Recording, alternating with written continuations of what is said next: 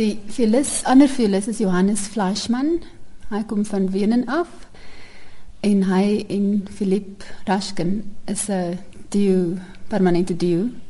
En dis 'n pianis. En hy Philip kom van Frans, België, België af, uit Brussel. Soos twee internasionale kunstenaars wat met wie optree. Ja, hulle ek het hulle nog nooit ontmoet nie, maar hulle lyk of hulle mooi kan speel. Dis interessant, nog nooit ontmoet nie. Hoe op aarde gebeur dit dan dat julle saam speel? Dis te danke aan Willem Vogel van Brooklyn Theater.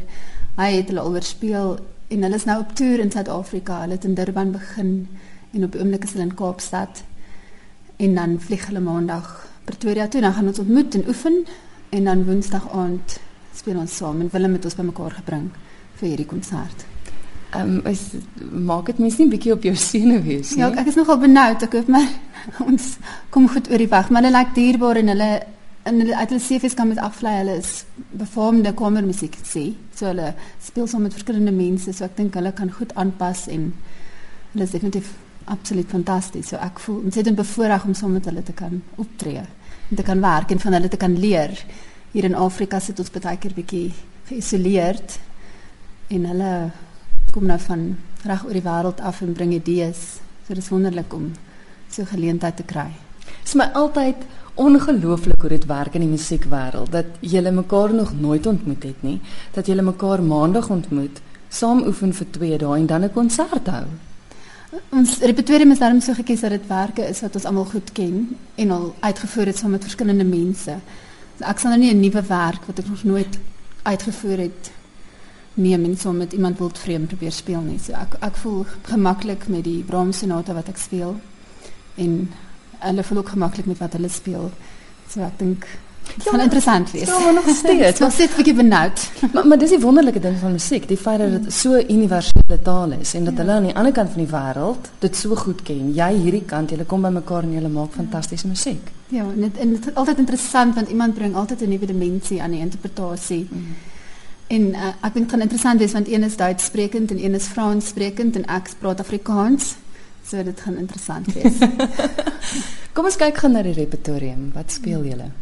Ons begin die konsert met 'n Mozart viool duet. Maar dis eintlik die bekende klavier sonata wat almal ken. As kind het ek altyd daarop gedans as my ma dit op die klavier speel en toe ek later nou vir my kinders het ook gespeel. Dis daai taradadam taradadam daai ding. Die Rondo alla Turca. Almal ken dit. So dit is verwerk vir deur Mozart vir twee viole.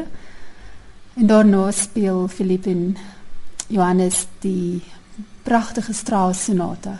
Ek het dit nog nooit in Suid-Afrika gehoor nie. Waarom? Dit is regtig baie moeilik. Dit is dit is al hier uitgevoer, maar dit word baie selde uitgevoer. Dit is dit is besonder mooi. Besonder ryk kleure, dis Richard Strauss. Mhm. Mm Dit's baie baie mooi en en geweldig vol, amper opera opera-agtig.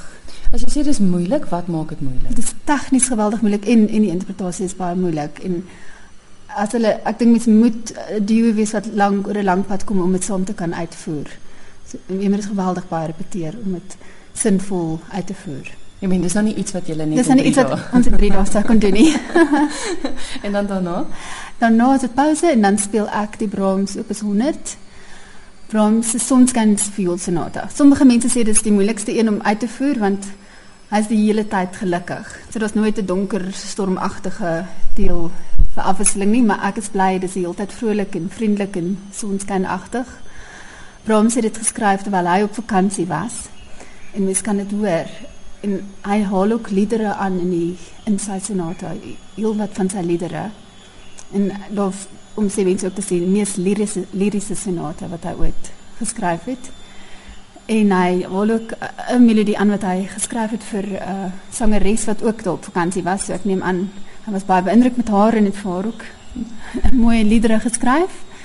En as jy wil kan jy dit vir die luisteraar speel. Um, ek het dit lank terug opgeneem 'n verwerking van viool. Mm -hmm en die lied vrylik vertaal is soos melodieë deur my gedagtes steel.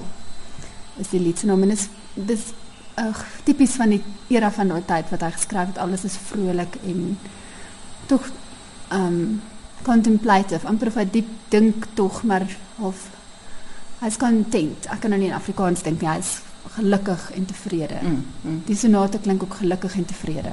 En die einde speel ons Shostakovich maar dis nie kwaai Shostakovich nie, dis amper fliekmusiek Shostakovich. Dis baie amper smalts, amper salonagtige musiek. Hmm. Plat nie swaar Shostakovich. Soos wat my strykkwartet laas jaar gespeel het nie. Ons het die laaste konsert van laas jaar geëindig met 'n uh, oorlogswerk van Shostakovich. Hierdie is heeltemal anders. Dit is toeganklik vir die gehoor, dis vriendelik, dis vrolik. Dis baie lig. En ek dink wat lekker is van die konserte ook is, jy weet ouens wat nie gewoond daaraan is om noodwendig na 'n uitvoering te gaan kyk nie. Dis dis vriendelik op die oor. Ja, dit is regtig maklik om te na te luister. Soos Shostakovich die naam sit mense af want hy skryf dikwels geweldige swaar goed mm. uit die Russiese eistertydperk of wat mense die eisergordyn tydperk in die Tweede Wêreldoorlog. Maar hierdie musiek van hom is lig. Hy het geweldige agtergrondmusiek geskryf, vir flieks. So dit herinner my net daaraan. Dit is net lig en vrolik.